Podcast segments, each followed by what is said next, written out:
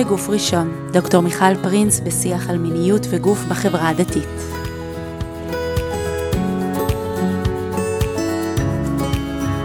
ברוכים וברוכות הבאות לפרק נוסף של בגוף ראשון. שלום לרבנית מלכה פיטרקובסקי. שלום וברכה. איזה כיף שאת פה. אותי זה מאוד מאוד מאוד מרגש ו- ומחזיר אותי אחורה, אה, מאוד. אה, כבר ככה נדבר על, על מה הנושא שנפתח היום, אבל אני, אני רוצה כן לחזור אחורה ולהגיד לך אה, שני מקומות שפגשתי אותך, שהיו מאוד מאוד משמעותיים לחיים שלי. המקום הראשון נפגשנו רגע לפני שהתגייסתי לצבא, למדתי אצלך במדרשה. אה, לא יודעת אם למדתי כל כך הרבה, זאת הייתה תקופה נהדרת שבה אה, בעיקר אה, ביליתי עם בן הזוג שלי, שהפך להיות האיש שלי גם. אז אבל... למדת הרבה. למדתי המון. הייתה תקופה מצוינת, תודה רבה.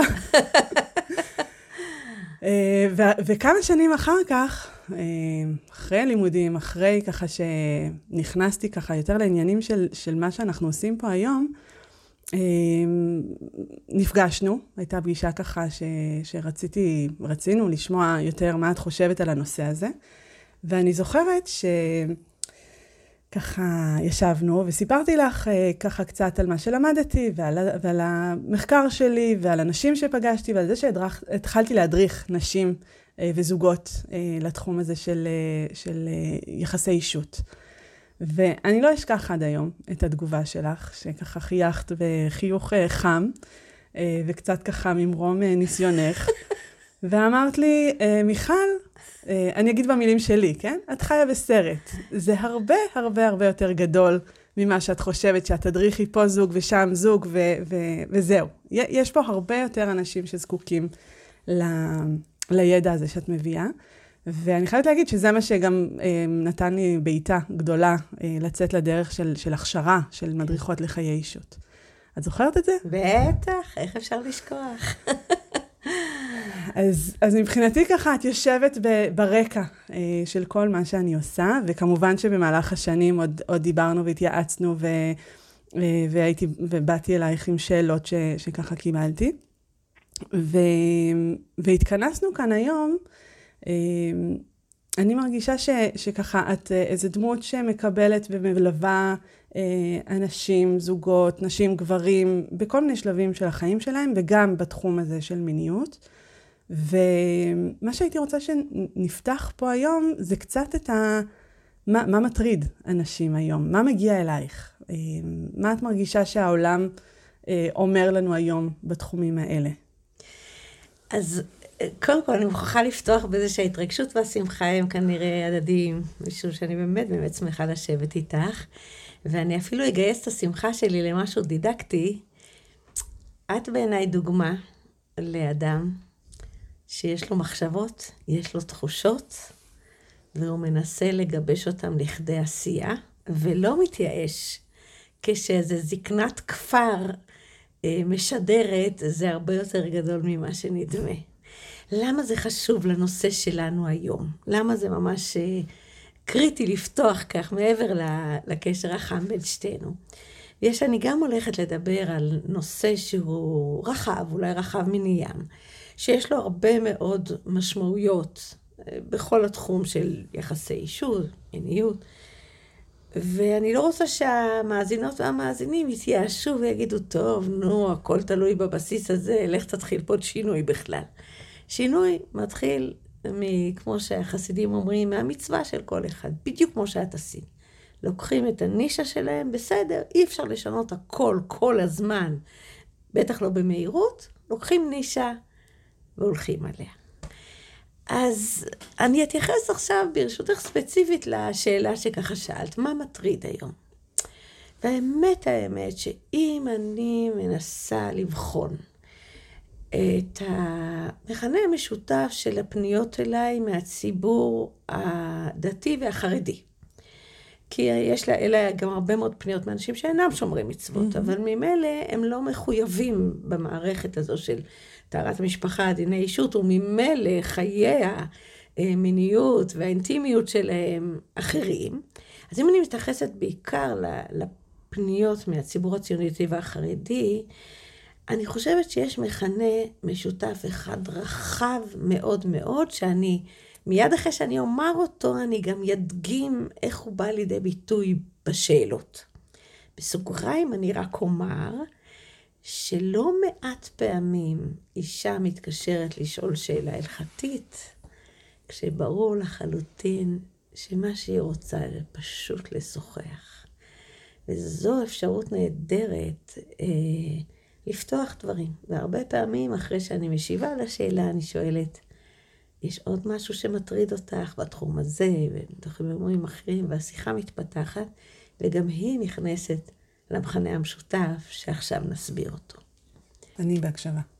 אז מהו אותו מכנה משותף שאני רואה לפניות הרבות? נדמה לי שהמכנה המשותף הוא שדיני נידה וטהרת המשפחה נקבעו בזמנים שבהם הציפייה ממבנה הזוגיות הייתה שונה לחלוטין. אני לא אומר שחלילה שלא הייתה אהבה בין בני זוג, ממש לא. אבל הציפייה, מה יתרחש שם בחיים הזוגיים, הייתה שונה מהותית. ואנחנו זכינו בדור שלנו, אולי אפילו חצי דור מעלינו, שהתחילה מגמה מאוד מאוד מבורכת בעיניי, של ציפייה לחברות נפש מבן הזוג שלי, ואותו דבר בכיוון ההפוך. ואני יודעת שזה נשמע כמו סעיף, אבל זה בסיס שהוא מהותי, ויש לו השתמעויות רבות מספור על החיים שלנו בכלל, ובוודאי על החיים הזוגיים והאינטימיים. ואני רק אזכור, ואת תבחרי לך מה מתחשק לך לטפל בו מתוך כל זה. אני אזכור ככה כמה, כמה סוגים של פניות ש, שנובעות בדיוק מהעניין הזה. כל הסיפור של היכרות בין בני זוג, עוד לפני הנישואין. אנחנו לא חיים בפוילין של המאה ה-12. אנחנו חיים יחד עם בנות, עם בנים, יחד. וגם אגב בחברות, כמו בחברה החרדית שהיא מפוצלת, בחברה הציונית דתית החרד"לית, שניסו לחשוב שאפשר לגדל ילדים במנותק, בנות מבנים, בנים מבנות, זה לא מצליח, ולהפך, זה יוצר בעיות חמורות וקשות בפני עצמו. אבל אפילו הנושא הזה של איך מכירים בן זוג, מה עושים בכל התקופה הזו שאנחנו, אנשי ההלכה, אני אומרת, נשות ההלכה, אה, מתעלמות ממנה. לחלוטין, התקופה שאני נמשכת לנער יפהפה, וכל מה שאני רוצה זה שהוא יחבק אותי, לא שום דבר מעבר.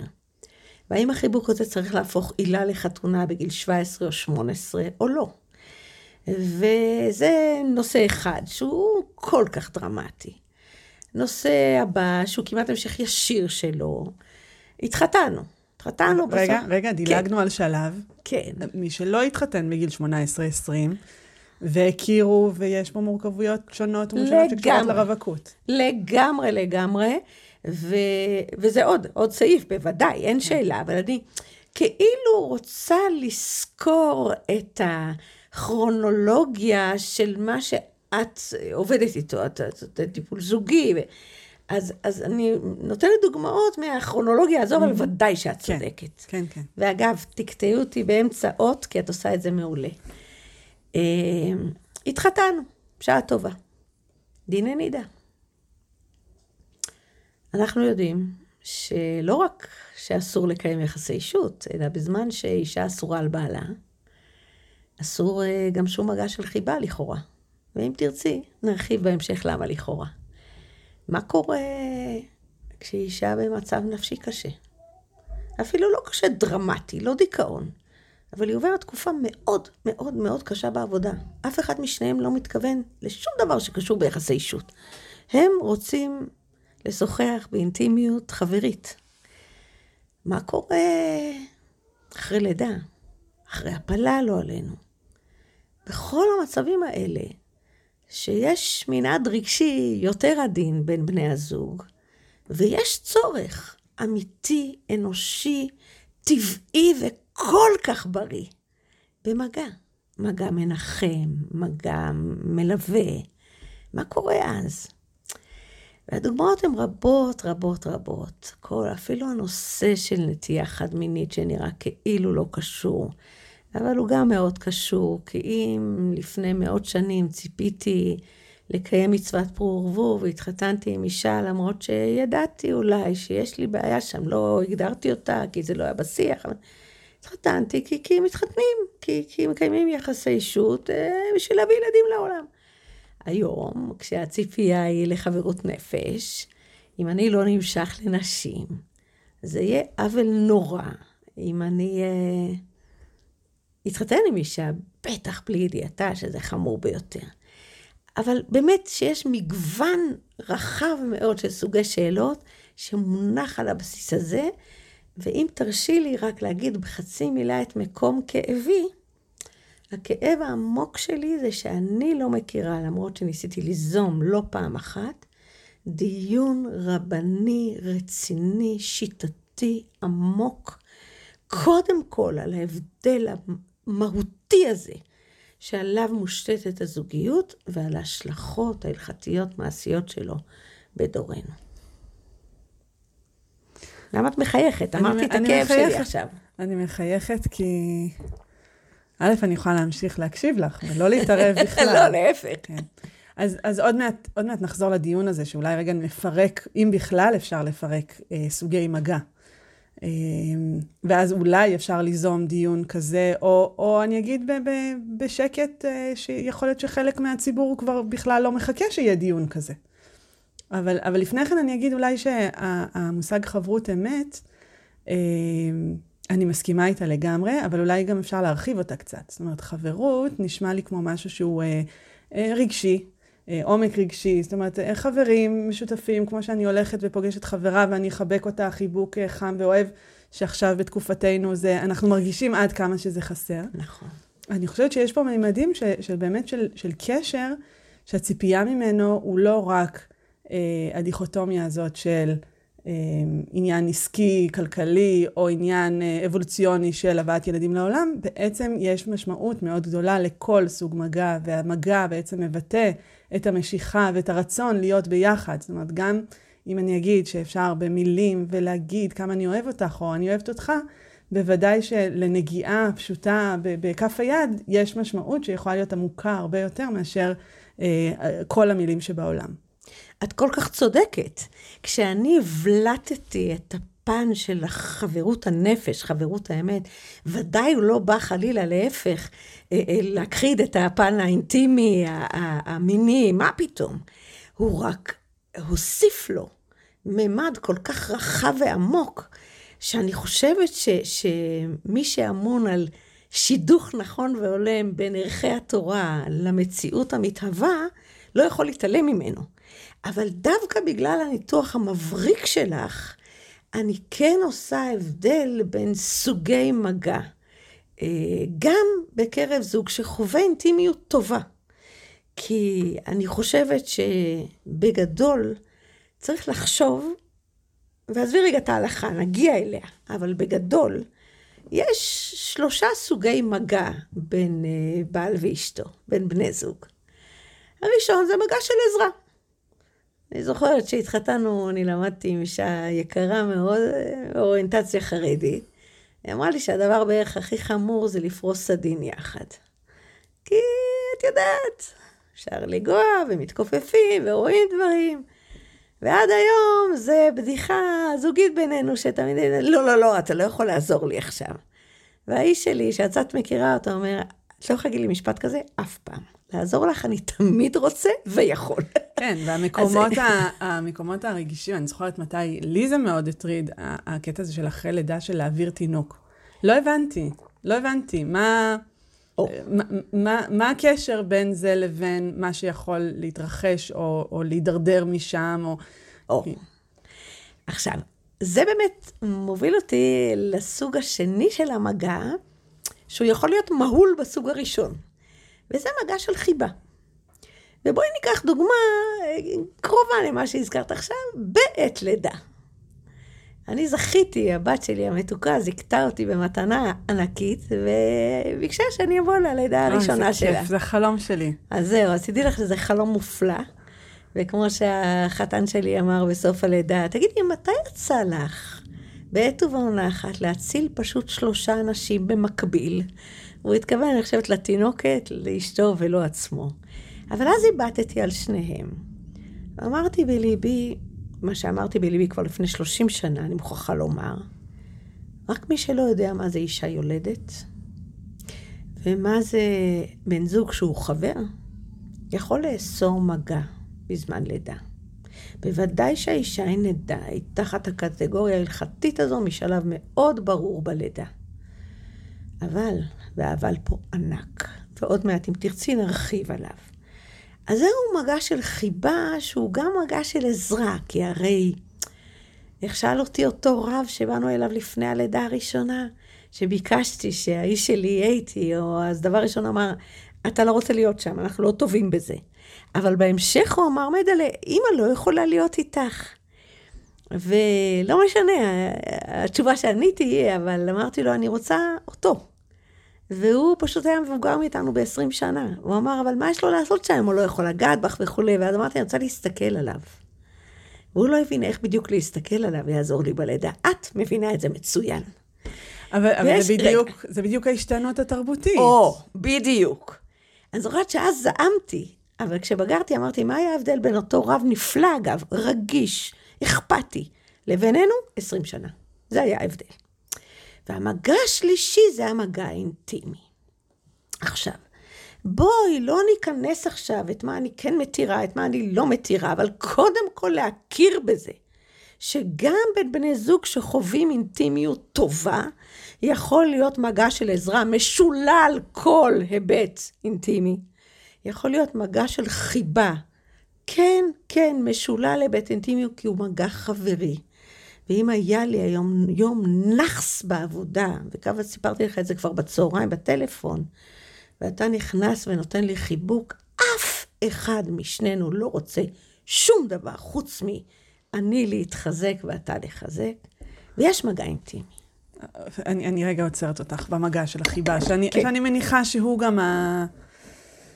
המקום שמעורר הכי אה, פחות נוחות להרבה אנשים. ופה אני רגע מייצגת את, ה, את התרבות, את התרבות היהודית, התרבות המערבית, התרבות הזאת שאומרת, אה, אין דבר כזה. כאילו, כל דבר מוביל לדבר, ו, ואגב, חלק מה, מהעבודה שלי עם זוגות זה רגע להראות שזה לא נכון, אבל אני רגע מייצגת את זה. אה, ממש לאחרונה אה, מצאתי על מדף הספרים את החוברת מגע הקסם. את זוכרת אותה? כן. אה, חוברת שחורה קטנה, שמי שגדלה בשנות ה... אני אגיד, 90, אה, כן. אה, בוודאי מכירה אותה, אולי גם גברים, אבל זאת חוברת שכתבה, פשוט מצאתי אותה יום אחד בספרייה הלאומית, ואז גם היה לי את כל הפרטים. כנראה איזושהי אישה חרדית, שהרעיון של, ה, של החוברת הזאת, ואגב, למה מצאתי אותה? כי עכשיו הבת שלי קוראת אותה, בת 17, אמ, הרעיון של החוברת, התמה שלה, זה שאם תתחילו לגעת, אז אי אפשר יהיה לעצור את זה שם. ובעצם דורות של אה, נשים וגברים, ושוב, זו דוגמה קטנה, אבל ברור שאנחנו מקבלים את זה במקומות אחרים, ש, שאי אפשר לעצור מגע. מה זאת אומרת? כאילו, אם זה התחיל בחיבה, או זה התחיל במקום מסוים, ורק היה לי קשה ורק איזה, ואופס, אי אפשר לעצור את זה. טוב, אז קודם כל את מבינה שאני לא מוכנה לקבל אה, שום משפט שמסיר מאדם אחריות, ואני לא מזלזלת ביצר, ממש לא. זה באופן בסיסי, אבל באופן עמוק יותר, כן, זה אתגר, זה אתגר עצום. אבל, איך אומר שם רב כהנא בגמרא? יש פה סוגה בשושנים. מספיק שאישה אומרת לבעלה, זהו, אני נידה, או עכשיו אני אסורה לך, כל מיני סיבות, וזהו. עכשיו תראי, אם אנחנו לא סומכים על בני אדם, למה אנחנו לא עושים מה שהאתיופים עושים? אישה נהיית אסורה לבעלה, עוברת לגור בדירה אחרת, נקודה. הרי אנחנו שנינו יחד פה לבד, יכולים לחגוג ולעשות ככל העולה על רוחנו. אין שום אדם שיוכל לפקח עלינו, נכון? ולכן, בעיניי, קודם כל, שמירה על דיני טהרת המשפחה, בעיניי האתגר של היהודי המאמין בן דורנו. אה, משום שיש בזה הרבה הרבה הרבה צורך בשכנוע פנימי עמוק ורצון לקיום ללא שוטר. ואין פה משמעת חברתית שיכולה לעזור לי ליישר אותי. ולכן, אם אין לי אמון באנשים, אבל זה נורא מעניין יכולה... מה שאת אומרת. כי... רגע, דקה, דקה, אוקיי, שנייה, שנייה, שנייה, שנייה, שנייה. אז, אז ממילא אני אומרת, את נהיית אסורה לבעלך, בבקשה לעבור לדירת נידות ולא לחיות איתו. אז אם אני רוצה לתחמן, אני יכולה לתחמן. אבל אם שמירה על טהרת המשפחה היא סוג של שיחה מתהווה ביני לבין בן הזוג שלי ובינינו לבין בורא עולם. ממילא כל ההתייחסות היא של שיוויתי. שיוויתי השם לנגדי תמיד. ואני יכולה לגלות סוד, אולי זה יהיה סקופ מטורף, ואולי זה יוציא אותי באופן סופי מהציבור הציוני-דתי. לא יעזור לך, את תישארי, תחזיק אותך בכל הכוח. אבל הייתה סיטואציה שרשמית, הלכתית, היינו אסורים, ואני חשבתי שמדין לב יודע מרת נפשו. ואני מדין ונשמרתם מאוד לנפשותיכם. הדבר היחיד שהאיש שלי צריך עכשיו זה חיבוק. וזה מה שעשיתי. ואיך העזתי? הרי כל היום אני מדברת הלכה הלכה. את הדברים האלה אני עושה רגע אחד אחרי שאני שואלת את עצמי, תגידי, שהקדוש ברוך הוא ישאל אותך, באיזה חוצפה נגעת בו כשהיית אסורה? יהיה לך מה לענות לו? תחת המערכת ההלכתית שאת טוענת שאת כפופה לה? אם יהיה לך מה לענות לו, אז קדימה. ואני אומרת לך, מיכל, זה בליבי ובנפשי. אם הזוג רוצה לקיים, הוא יקיים, תנו להם את הכלים להיות אחראים לקיום הזה. אם הם לא רוצים לקיים, את יכולה לשים עליהם כמה איסורים שאת רוצה, זה לא יעזור. כן, אם הם לא רוצים לקיים, הם גם לא יבואו לשאול. הם, הם ייתנו דין לעצמם. ו- וזה בסדר, זאת אומרת, האוטונומיה של כל אדם להחליט אה, בדיוק מה המקום שלו. מה שאני שומעת שאת אומרת, זה שאם נקבע איזשהו, נקבע איזושהי, אה, איזושהי, איזשהו גבול, איזושהי גדר, איזשהו סייג, ואת אומרת, עכשיו נזיז אותו, לאור זה שהמצב הזוגי השתנה, מערכות היחסים השתנו, וה... ה, לא, לא שומעת שאת אומרת זה לא רלוונטי, זה בהחלט רלוונטי, גם יותר קל לשמור כשיש גבול מאוד ברור בין כן לגעת ללא לגעת. אבל בעצם את אומרת, רגע, יכול להיות שהשתנות ה... באמת ההשתנות שלנו וההשתנות התרבותית ומה הציפייה שלנו ו- ואיפה אנחנו מקבלים נחמה. ושוב אני מזכירה באיזה תקופה אנחנו חיים. נכון. שהנחמה היא לא אצל חברה נכון. או אצל אימא או, או אצל... גם, גם, יכולה להיות גם. הנחמה הפיזית, כן, הנחמה כן. הפיזית היא לא שם. כן. Uh, ושם, שוב, אני מדברת על תקופת קורונה דווקא. כן, כן, uh, כן. אבל uh, את בעצם אומרת, בואו נזיז את הגדר קצת, במקרים מסוימים. אני עוד, בדיוק, אני עוד אפילו לא, לא קובעת מסמרות. אני, את מבינה שאני רק כמהה שמישהו יסכים שזה יהיה בסיס השיחה? מישהו מאנשי ההלכה? כי אני אתן לך דוגמה, ש, שסיפרתי אותה כבר, אבל היא חשובה. את יודעת מה? אתן דוגמה אחרת, לגמרי אחרת. אישה שסובלת מ... מירידות חדות במצב הרוח, אבל לא נזקקת לטיפול תרופתי. פונה ואומרת, זה מקשה עליה מאוד, מאוד, אבל בעזרת פסיכותרפיה וכולי, היא חיה בסדר גמור. והיא משתפת אותי שאחד הדברים שעוזרים לה, זה באמת פשוט חיבוק של בעלה. תוך כדי המילים אני איתך, ואל תדאגי, ואת יודעת שזה כמה ימים, אבל זה עובר. והיא אומרת לי, תראי, כשאני במחזור, אז זה גם מבחינת איסור תורה, וככה אני נורא פוחדת. אבל בשבעה נקיים, למה, למה אני לא יכולה להסתייע בדבר הזה שכל כך עוזר לי? זו דוגמה פרטנית, והלכה תמיד תמיד בונה מעקרונות יסוד ויישום מעשי פרטני. אבל מי, ש... מי שמבין מה זה נטייה לדיכאון או לקושי נפשי, מה יכול לעזור בזה, צריך את כל מערך החשיבה לחשוב אחרת. עכשיו, את בטח מכירה את הפולמוס על שבעה נקיים, כן לשמור, אני ראשונה שאומרת, ודאי חייבים לשמור. אנחנו מקיימים הלכה אורתודוקסית. אבל בשביל שההלכה תמשיך להתקיים, ואנחנו לא נהיה במאה ה-12 והילדים שלנו יהיו במאה ה-22, אנחנו חייבים לשוחח עם המציאות. ואת הערת את זה קודם, ובואי נגיד על זה מילה. תשמעי, אנחנו צריכות להיות מאושרות ומאושרים במי שעוד פונה אלינו. בכל הנושא של אינטימיות, ובכלל החיים עם ההלכה. רבים חללים מפילה.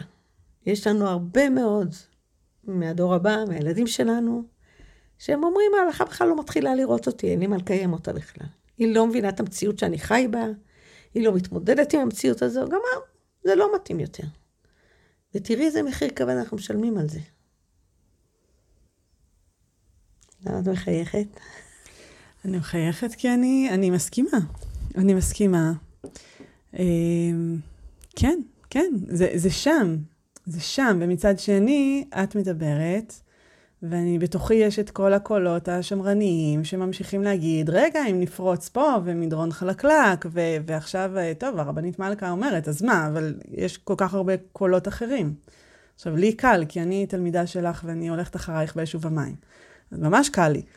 אבל, אה, אבל, אבל אנחנו במציאות שהיא, שהיא לא פשוטה. זאת אומרת, אנחנו, אנחנו, אנחנו מחזיקים נורא חזק, ושוב אני חוזרת, שהגבול הזה של מגע, יפה שאני היום מייצגת פה את השמרנות, אבל אחלה, אני זורמת עם זה. הגבול של המגע הוא מאוד ברור. מאוד ברור, כן או לא, אסור, מותר. אמ, תעשו ככה או ככה. ו, והמעבר הזה, שאגב, אם נפתח סוגריים, אז נגיד ש, שלהרבה זוגות עצם הקיום של, של ההלכות הוא זה שמביא למצוקה הנפשית. לא המצוקה הנפשית מבקשת רגע ל, למצוא את ה... אה, את, זה את סעיף הפתח. סופר חשוב מה שאמרת עכשיו. כן? כן. זאת אומרת, אה, גם אני, אני מכירה את כל הנשים שאומרות שהמעבר הזה, אז מה עם ליל טבילה? אז מה אם, אז, אז עכשיו, בום, טראח, כאילו, אני... אני יכולה להגיד אפילו בחוויה שלי, לוקח לי עוד uh, שלושה ימים אחר כך להיות ב... Uh, כאילו לשחרר את הקיבוץ הזה, כש, כשעוברים אחד ליד השני במסדרון. Uh, וזה, וזה, זה, אמרת מפיל חללים, מפיל חללים וחללות. uh, וזה לא פשוט. אני חושבת uh, שרגע, אם ניתן קרדיט, כן, uh, שלא כל מי שקשה לו עוזב והולך, אני חושבת שיש פה החזקה מאוד חזקה, ו- ואני תמיד שואלת את עצמי, מאיפה זה הגיע? מאיפה ה- השמירה הזאת? אנחנו רואים את זה על, ה- על המקווה, כן? כן שאני לא כן. יודעת האם הדורות הקודמים הקפידו על המקווה כמו שאנחנו מקפידות בדורנו, ו- ו- ובאמת נשים לא מוותרות אה, בהיוק ובהיקוק, ואפשר עכשיו לכתוב מחדש את אמותינו הקדושות והקרח, כן. אנחנו לגמרי בתקופה כזאת. ואני חושבת שה... אני, אני שומעת הרבה קולות שמחפשים הרמוניה, וזה לא מתחבר, הזהות הדתית שאני לא אוותר עליה, והשמירה, וה, והמחויבות, והקרבה לקדוש ברוך הוא דרך ההלכה, לבין הזהות הגופנית והרגשית והזוגית, זה, זה, לא אגיד שכל החיים זה לא מתחבר, אלא שיש נקודות בחיים, כמו שאת אומרת, שזה פשוט, זה לא הרמוני, זה, זה תקוע. ולכן אני רוצה להעיר שתי הערות חשובות חשובות ביחס למה שאת אומרת. א', אני עוד לא אמרתי שאני מתירה, לא מתירה, ואני לא אומרת את זה בשביל אה, להתחמק, אלא בגלל שאני לא, בדברים האלה אני לא מדברת כללי. זה באמת כל מקרה לגופו. ברור לגמרי שתפיסתי העמוקה היא שיש לקיים תורת ישראל על פי כללי הפסיקה האורתודוקסיים. ואני רואה בזה לכתחילה, לא איזה סוג של דיעבד, ואם תרצי נרחיב על זה. אבל את תיארת את החשש האדיר מהמדרון החלקלק של טוב, תתירי מגע של חיבה, לכאורה. אה, הזוג יחגוג כבר, עזבי, אה, לא יעצור איפה שאת רוצה. ואני אומרת, שוב, בשביל הבסיס של השיח ההלכתי, בואו נעלה באומץ את המחירים והרווחים של המחשבות שלי, מול הרצון של מה שהיה הוא שיהיה נקודה. נדמה לך שאין שם מדרון חלקלק. למשל, תחושה של הרבה זוגות, זה שאם פעם התחבקנו, יאללה, אז אפשר כבר גם להיות יחד במיטה, כי כבר עברנו עבירה, אז גם... כי עברנו. בדיוק. כי זהו. זה סכנה כבירה, ממש. ולכן, אני חושבת שאם בכל דור אנשי ההלכה, ובדורנו ברוך השם גם נשות ההלכה, שגם על זה יש לי מילה תכף להגיד, מבינים המורכבות של מערך היחסים הכלאיימי הזה, הבין כלאיים הטוב הזה של רומנטיקה וחיבור נפשי עם שמירה ומחויבות עמוקה, אמיתית, למצוות התורה, זו חובתנו, לא זכותנו, לא אפשרותנו, חובתנו להביט על כל הסוגיה הזו, כולל כל הדברים המורכבים שיש בה, ולהביא אותם בחשבון. אבל אי אפשר לערוך, תסלחי לי, כנס רבנים, להגיד, טוב, שמענו שיש קולות ברחוב שצריך לבטל שבעה נקיים, אין מה לבטל שבעה נקיים, גמרנו, אנחנו מוצאים בזה מודעה רבה לאורייתא, אין מה לבטל. אה, אה. זה לא עובד כך. זה לא עובד יותר כך.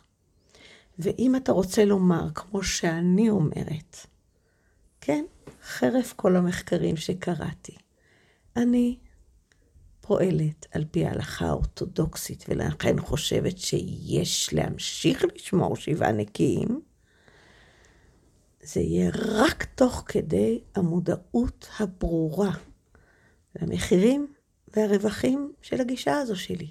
ואני חושבת שהצבעה על מחירים לא מחלישה, להפך. כל לומד גמרא יודע שדווקא דעה שמופיעה בסוגיה, שנרצה לאמץ אותה להלכה, היא הכי הרבה מותקפת.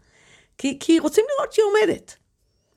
אז זה דבר ראשון, שהוא כן, קריטי. אני, אני שומעת ש... של, זאת אומרת, מה שאני מרגישה שאת אומרת, עוד לפני שמגיעים להלכה, כן או לא, אסור, מותר, זה בואו בוא רגע נציף את זה. בואו נדבר על הדברים. בואו נבין את המורכבות. ואת הגישה הזאת אני אוהבת, כי אני חושבת שחצי מהפתרון נמצא כבר בשלב הזה. בדיוק. זאת אומרת, גם עצם זה שבן אדם, איש, אישה, זוג, יודעים שרואים אותם, אה, ומרגישים שרואים אותם, ושהם לא לבד, והם לא הפושעים בדיוק. היחידים, נותן איזושהי רווחה שגם עוזרת רגע לחזור לנתיב ו- ולבחירה שלהם, ולא רק, טוב, אנחנו כבר לא שם, אנחנו כבר, אה, זהו, אנחנו לא בדיוק. לא יכולים להיות חלק מה, מהדבר הזה. לגמרי. אני ארצה לעבור להערה השנייה, אבל לפני כן, משהו שקשור להערה שאמרת עכשיו. תראי, אני סיפרתי לך, אני חושבת כבר פעמים רבות, שאימא שלי, זיכרונה לברכה, שאלה אותי הרבה פעמים, מלכה, מה את מחפשת שם באותיות הקטנות האלה? תגידי, מה שהיה טוב לסבתא שלך, לא טוב לך, מבחינת הקיום היהודי. והתשובה שעניתי לה, ואני מאמינה בה בכל ליבי ונשמתי, אם הקדוש ברוך הוא זיכה אותי, וזו אחת ממתנות חיי, ברוך השם התברכתי בלא מעט, יש לי הרבה על מה להודות, אבל במתנה כבירה של היכרות עמוקה ורחבה, אני חושבת. לפחות בנושאים הלכתיים מסוימים, אין מתנות חינם. חובתי להביא את הקול שלי, של מלכה האישה, של מלכה האימא, של מלכה שומרת ההלכה, משתדלת לפחות. ותראי, כאן אני מגיעה להערה השנייה. ואני מבקשת, מיכל, אני מתחננת שזה לא יישמע חלילה כגאווה. להפך, את מיד תביני שאני אומרת את זה מתוך כאב. יש לא מעט נושאים הלכתיים, כבדי משקל, שאני צועקת אותם כבר שנים. אבל היה צריך לחכות 35 שנה כדי שהרב דייחובסקי, שייבדל לחיים ארוכים, טובים ובריאים, יכתוב שבוודאי שיש לשקול מגע של בן זוג ב- ב- באשתו בזמן לידה. למה, ריבונו של עולם? למה?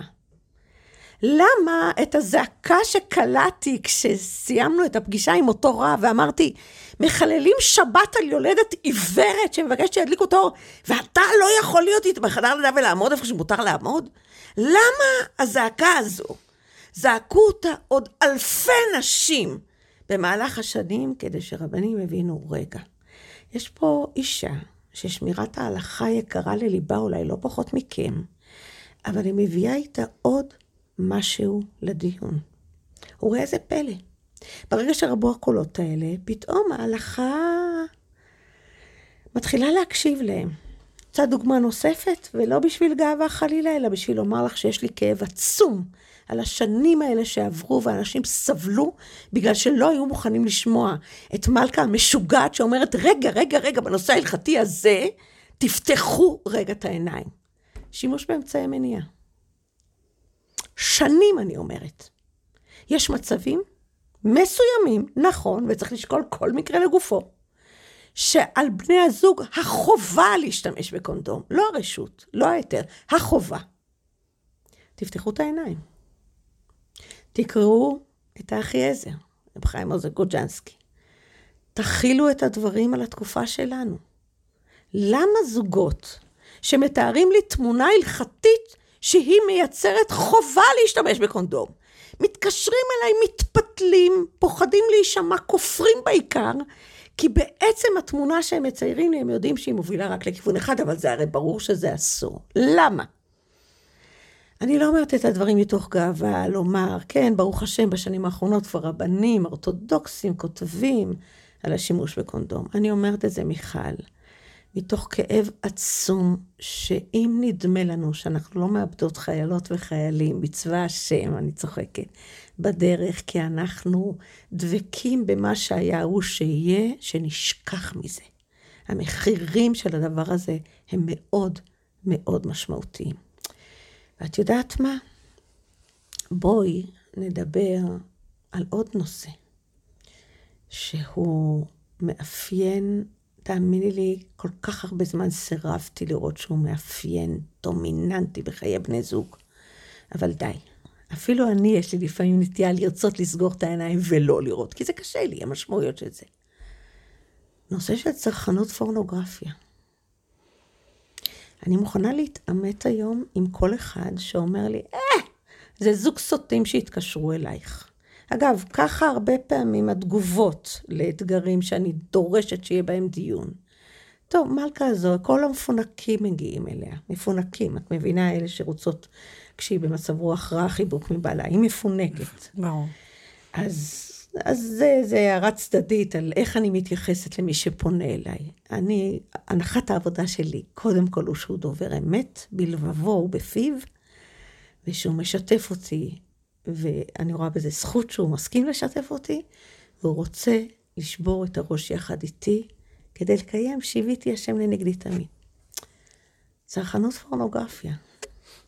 את יודעת, כבר שנים לא מעטות. אני מגיעה לכל מיני ישיבות גבוהות והסדר. נדבר עם הבחורים על זוגיות בריאה, נכונה. ואני מוכרחה להגיד לך שגם הסירוב שלי לראות את המציאות נתקל בגילוי לב של בחורים בשנים האחרונות במליאה. לא, בהתחלה זה התחיל, כן, בהתחלה כן. זה התחיל ב... שאמרתי, אפשר לגשת אליי אחרי המפגש. חבר שלי ו... סיפר. בדיוק. אבל בשנים האחרונות זה במליאה כבר.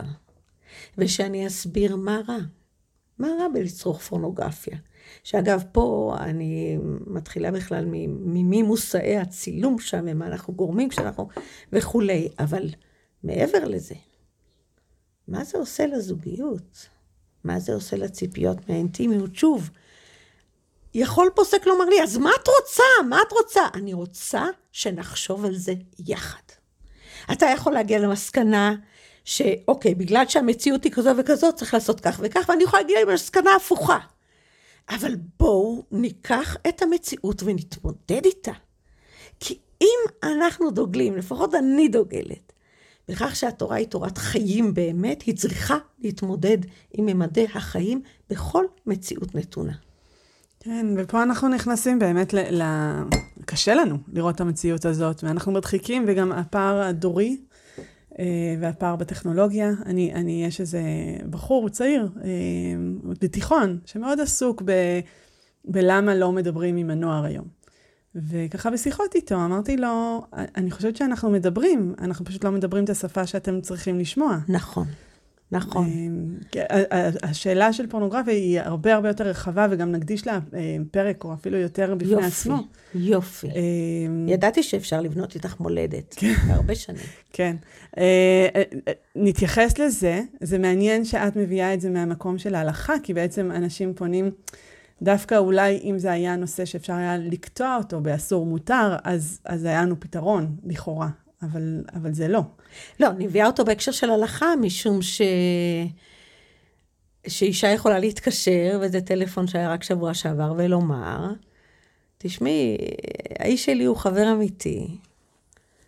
אבל הוא אומר לי בצורה מאוד ברורה, תקשיבי, את תצטרכי לבחור, או שבעה נקיים, או פורנוגרפיה. את לא יכולה גם לגזור עליי מרחק ממך לשבועיים, וגם לבקש שאני לא אסתייע ב...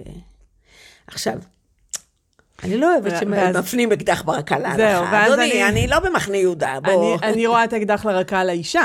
כן. כאילו, אוקיי, כאילו, זה או זה או זה, תביא נכון. לי את מה שאני צריך, ו... כן. נכון, נכון. שזה לא בדיוק אה, גילוי של שיחה חברית. כן. אבל כשאת ממשיכה לשוחח עם האישה, ואגב, הרבה פעמים אני אומרת... רגע, אבל אני אגיד שדווקא אצל אנשי ההלכה אנחנו נשמע שפה של אה, אולי נעגל פינות במקומות מסוימים, בשביל שלא יהיו הרהורי עבירה, או לא יהיה חס וחלילה שהוא ילך למקומות אחרים. זאת אומרת שעדיין אנחנו רואים אותה כאובייקט במקום הזה, ו- ו- ואז אפילו לא מתחבר לשיחה על החברות נפש והקרבה וה... כן, ופה אני אגיד אה, עוד דבר שאני אומרת אותו כבר הרבה שנים, אבל אה, כאן זה מוקלט, זה בעיה, יכלו לשמוע אותו שוב ושוב. אני מוכנה להוכיח בכל דרך, וחיי יהיו מאוד קלים להוכיח, שכבר מהתורה יש יחס שונה מהותית ליצר המין הגברי מליצר המין הנשי. ואני אומרת שונה מהותית, שלא לומר יחס מבין, מכיל, מקדם שינויים, מי תתקדש לי ללילה וכולי וכולי. אז בואו, אם זכינו... יחס ש- מבין למיניות הגברית. לגמרי. אז אם זכינו שלפחות הפרטנרית הפוטנציאלית גם מבינה דבר או שניים בהלכה, בואו, תקשיבו רגע. קודם כל, יש גם לנו צרכים. דבר שני, במבט שלכם, באיזה אופן אנחנו מכילים ומבינים את יצר המין הגברי, יש שם מישהי שעלולה לשלם מחירים על הדבר הזה, וזה מה שאת אומרת. זה לא אפשרי. זה חובה קדושה של אנשי ההלכה להתייחס לזה. ואם נחזור לרגע אחד לאותו זוג, אז אני הרבה פעמים יכולה לבקש, תגידי, האיש שלך נמצא עכשיו? הוא יכול להיות איתנו בשיחה, נעביר על רמקול וכולי. לעתים היא תאמר לו, הוא מתבייש, אבל זה בסדר, אל תדאגי, אני אעביר לו, "אה, מוישה, אתה יכול רגע ל... ואנחנו נדבר על זה, על, על מה זה העמדה הנפשית של אדם מחויב לומר או פורנוגרפיה או ביטול שבעה נקיים. לא נסתפק רק בשורה התחתונה ההלכתית, אוקיי? אבל ברור שהבחור הזה וההעמדה הזו היא תוצר של משהו שהוא נבנה במהלך מאות שנים. אז בואו, רבנים נכבדים, דיני נידה, טהרת המשפחה. ורבניות. הרבניות, אני פונה אליהן בצורה אפילו עוד כמעט יותר נוקבת. אז רק נשלים את הפנייה לרבנים, בואו נביט למציאות בעיניים. ולרבניות אני רוצה לומר, זה לא לגיטימי. זה לא לגיטימי. להסתיר את ניסיון חייכן כנשים, כאימהות, כבנות זוג, ואת הידע ההלכתי הרחב שלכם, ולא להביא את הקושיות שלכם, את ההשגות שלכם, את המחשבות שלכם על ההלכה כפי שהיא, למרכז שולחן הדיונים. ויש לי כאב גדול, כי הרבה שנים אמרו, טוב טוב, נשים ייכנסו להלכה, ממילא הדברים. ומסתבר שעדיין, כולל מוסדות מאוד מאוד מפוארים שמגדלים נשים דוברות הלכה, צריך להתיישר איכשהו לפי איזשהו קו קיים. אז אם נכריז חיוניות בשיח המביט למציאות בעיניים, ממילא נקדם גם את האפשרות של אותן נשות הלכה לתאר את המציאות שלהן. והיא לא פחות חשובה מהמציאות של הפרטנר שלהם או כל אחד אחר. וזה לדעתי, יש עוד חשש גדול גדול של נשות ההלכה לעשות את זה. וזה כואב לי. כן. כן. אני חושבת שהמחויבות שלנו כנשים וגברים, אני, אני אקרא לזה צרכני הלכה, זה, זה לדרוש נהדרת את, את. את המקום הזה. נהדרת. אני חושבת ש... שוב, אני לא אשת הלכה במובן הלמדני, אה, ואני רואה את הקשיים של החברות שלי ושל אנשים שלמדו ובבתי מדרש, ו- ואי אפשר להתפרנס מזה וכולי וכולי. ואני אומרת, האחריות שלנו אה, לדרוש את השיח הזה ש- ששם אותו. השבוע בדיוק קראתי איזשהו מאמר, ודיברו באמת על... על, ה, על הפער בין הגוף לשכל. זאת אומרת, נכון שגם אם יש לנו איזושהי מחשבה בעניין, המחשבה לא יכולה להתקיים בלי הגוף. ומי שאומר את זה בקול, ומי שמתווך את זה, ומי שאפילו אה, הטונציה שבה אני מביעה את המחשבה, יש לה משמעות איך שהיא יוצאת לעולם. וגם פה, מה שאת אומרת, ואני חושבת שזה הבוסט הגדול ש, שהעולם ההלכה מקבל בשנים האלו, זה שבאמת נכנס פה מימד גופני חדש, נכון. אחר, שדורש מאיתנו הסתכלות, דורש מאיתנו המון אומץ. נכון. אה, ודורש מאיתנו, אני אומרת, כקהילה צרכנית, לתת את המקום הזה ולדרוש אותו. לגמרי, ואני חושבת שזו נקודה כל כך כל כך חשובה שהעלית עכשיו. תראי, בסופר השכונתי, חסר איזה מוצר, הוא אומר, אני אף פעם לא אביא את זה, אז אני אומרת, אולי אתה מוכן להביא, כי יש אנשים, אני יודעת שאני לא היחידה שצריכת את זה. זה בדיוק זה. והדבר המעניין הוא שהיום יש אה, כלי ביטוי מוחצנים במובן החיובי, הרבה יותר משוכללים לעמך ישראל. פייסבוק למשל. אבל תראי, יש פה משהו מעניין. מתקשר זוג ואני אומרת, חברים, במקרה שלכם, חובה להשתמש בקונדום. בסדר, נחזור לדוגמה. מסתיימת השיחה ואני שואלת, תגידו, אתם מוכנים לעשות לי טובה? זה טובה לי, נכון? כי, כי חשוב לי שאנשים ימשיכו לקיים. אתם יכולים לכתוב בפייסבוק שחברה סיפרה לכם שהיא הייתה במצב שחייבת למנוע הריון ולא יכולה להשתמש בשום אמצעי אחר, ויש היתר לקונדום, ולא לא להניח שבוודאי שאין היתר, ולא להתקשר ולא לשאול. לא עושים את זה. ברור שלא. לא עושים את זה, ואת צודקת. הציבור, דווקא הציבור ש... יש לי ויכוח עמוק עם הילדים שלי אם הוא קיים או לא קיים. אני רוצה לחשוב שהוא עדיין קיים. הם קוראים לציבור שלך, הם אומרים, מה זה הציבור שלי? הציבור שרוצה לחיות את המציאות כמו שהיא, מתוך מחויבות פנימית עמוקה. אז כדי שנרגיש שהוא קיים, הוא חייב לדבר, הוא חייב לדרוש, בדיוק כמו שאמרת. כדי שעולם ההלכה יתפתח ויאפשר את מה שאני כל כך מאמינה בו, חיים בתוך מציאות כפי שהיא ולא מבוימת, לא ביישובים רק של דתיים ולא בגן ילדים רק של בנות, אלא מציאות כמו שהיא, מתוך מחויבות עמוקה לתורה ומצוות. אני, אני מסכימה עם הילדים שלך. אני, אני ממש, אני מרגישה ש, שזה מה שקורה, ואני חושבת שבגלל זה גם ה...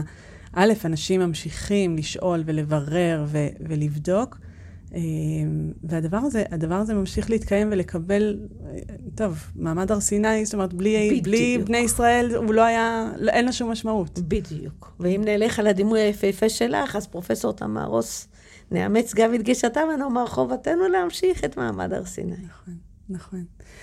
יש לך איזה משהו אופטימי להגיד לנו לסיום? מאוד, הרבה דברים אופטימיים. קודם כל, זה שיש מפעל חיים שקוראים לו מיכל פריז, זה דבר מאוד די. מאוד אופטימי. טוב, בסדר, תמשיכי. אוי ואבוי שתחתכי את זה בעריכה. לא, אבל באמת, מעבר לזה, אני חושבת שהולכות ומתפתחות יוזמות, שכן בהחלט מקדמות את המגמה שאמרתי. שחייבת להיות, וזה הבאת המציאות אל קדמת הבמה שעומדת בפני נשות ואנשי ההלכה. יש לא מעט מוסדות כאלה והתארגנויות כאלה, ואני רוצה לקוות שכולנו, מתוך תחושת השיוויתי שלנו, נזכה להגדיל תורה ולהדירה. אמן, אמן ואמן. הרבנית מלכה, תודה רבה רבה שבאת. אה, אני רוצה להגיד תודה רבה לצופיה וינדיש על ההפקה ועל ההחזקה של כל הדבר הזה, ובלעדייך זה לא היה קורה. תודה רבה, צופיה, ותודה, מיכל, על ההזמנה. היה פשוט תענוג. אה, את תצטרכי לבוא עוד פעם, לא תהיה ברירה.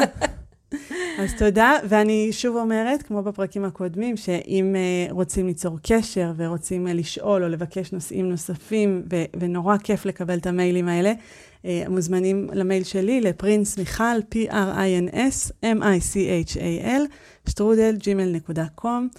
אנחנו ניפגש בפרק הבא.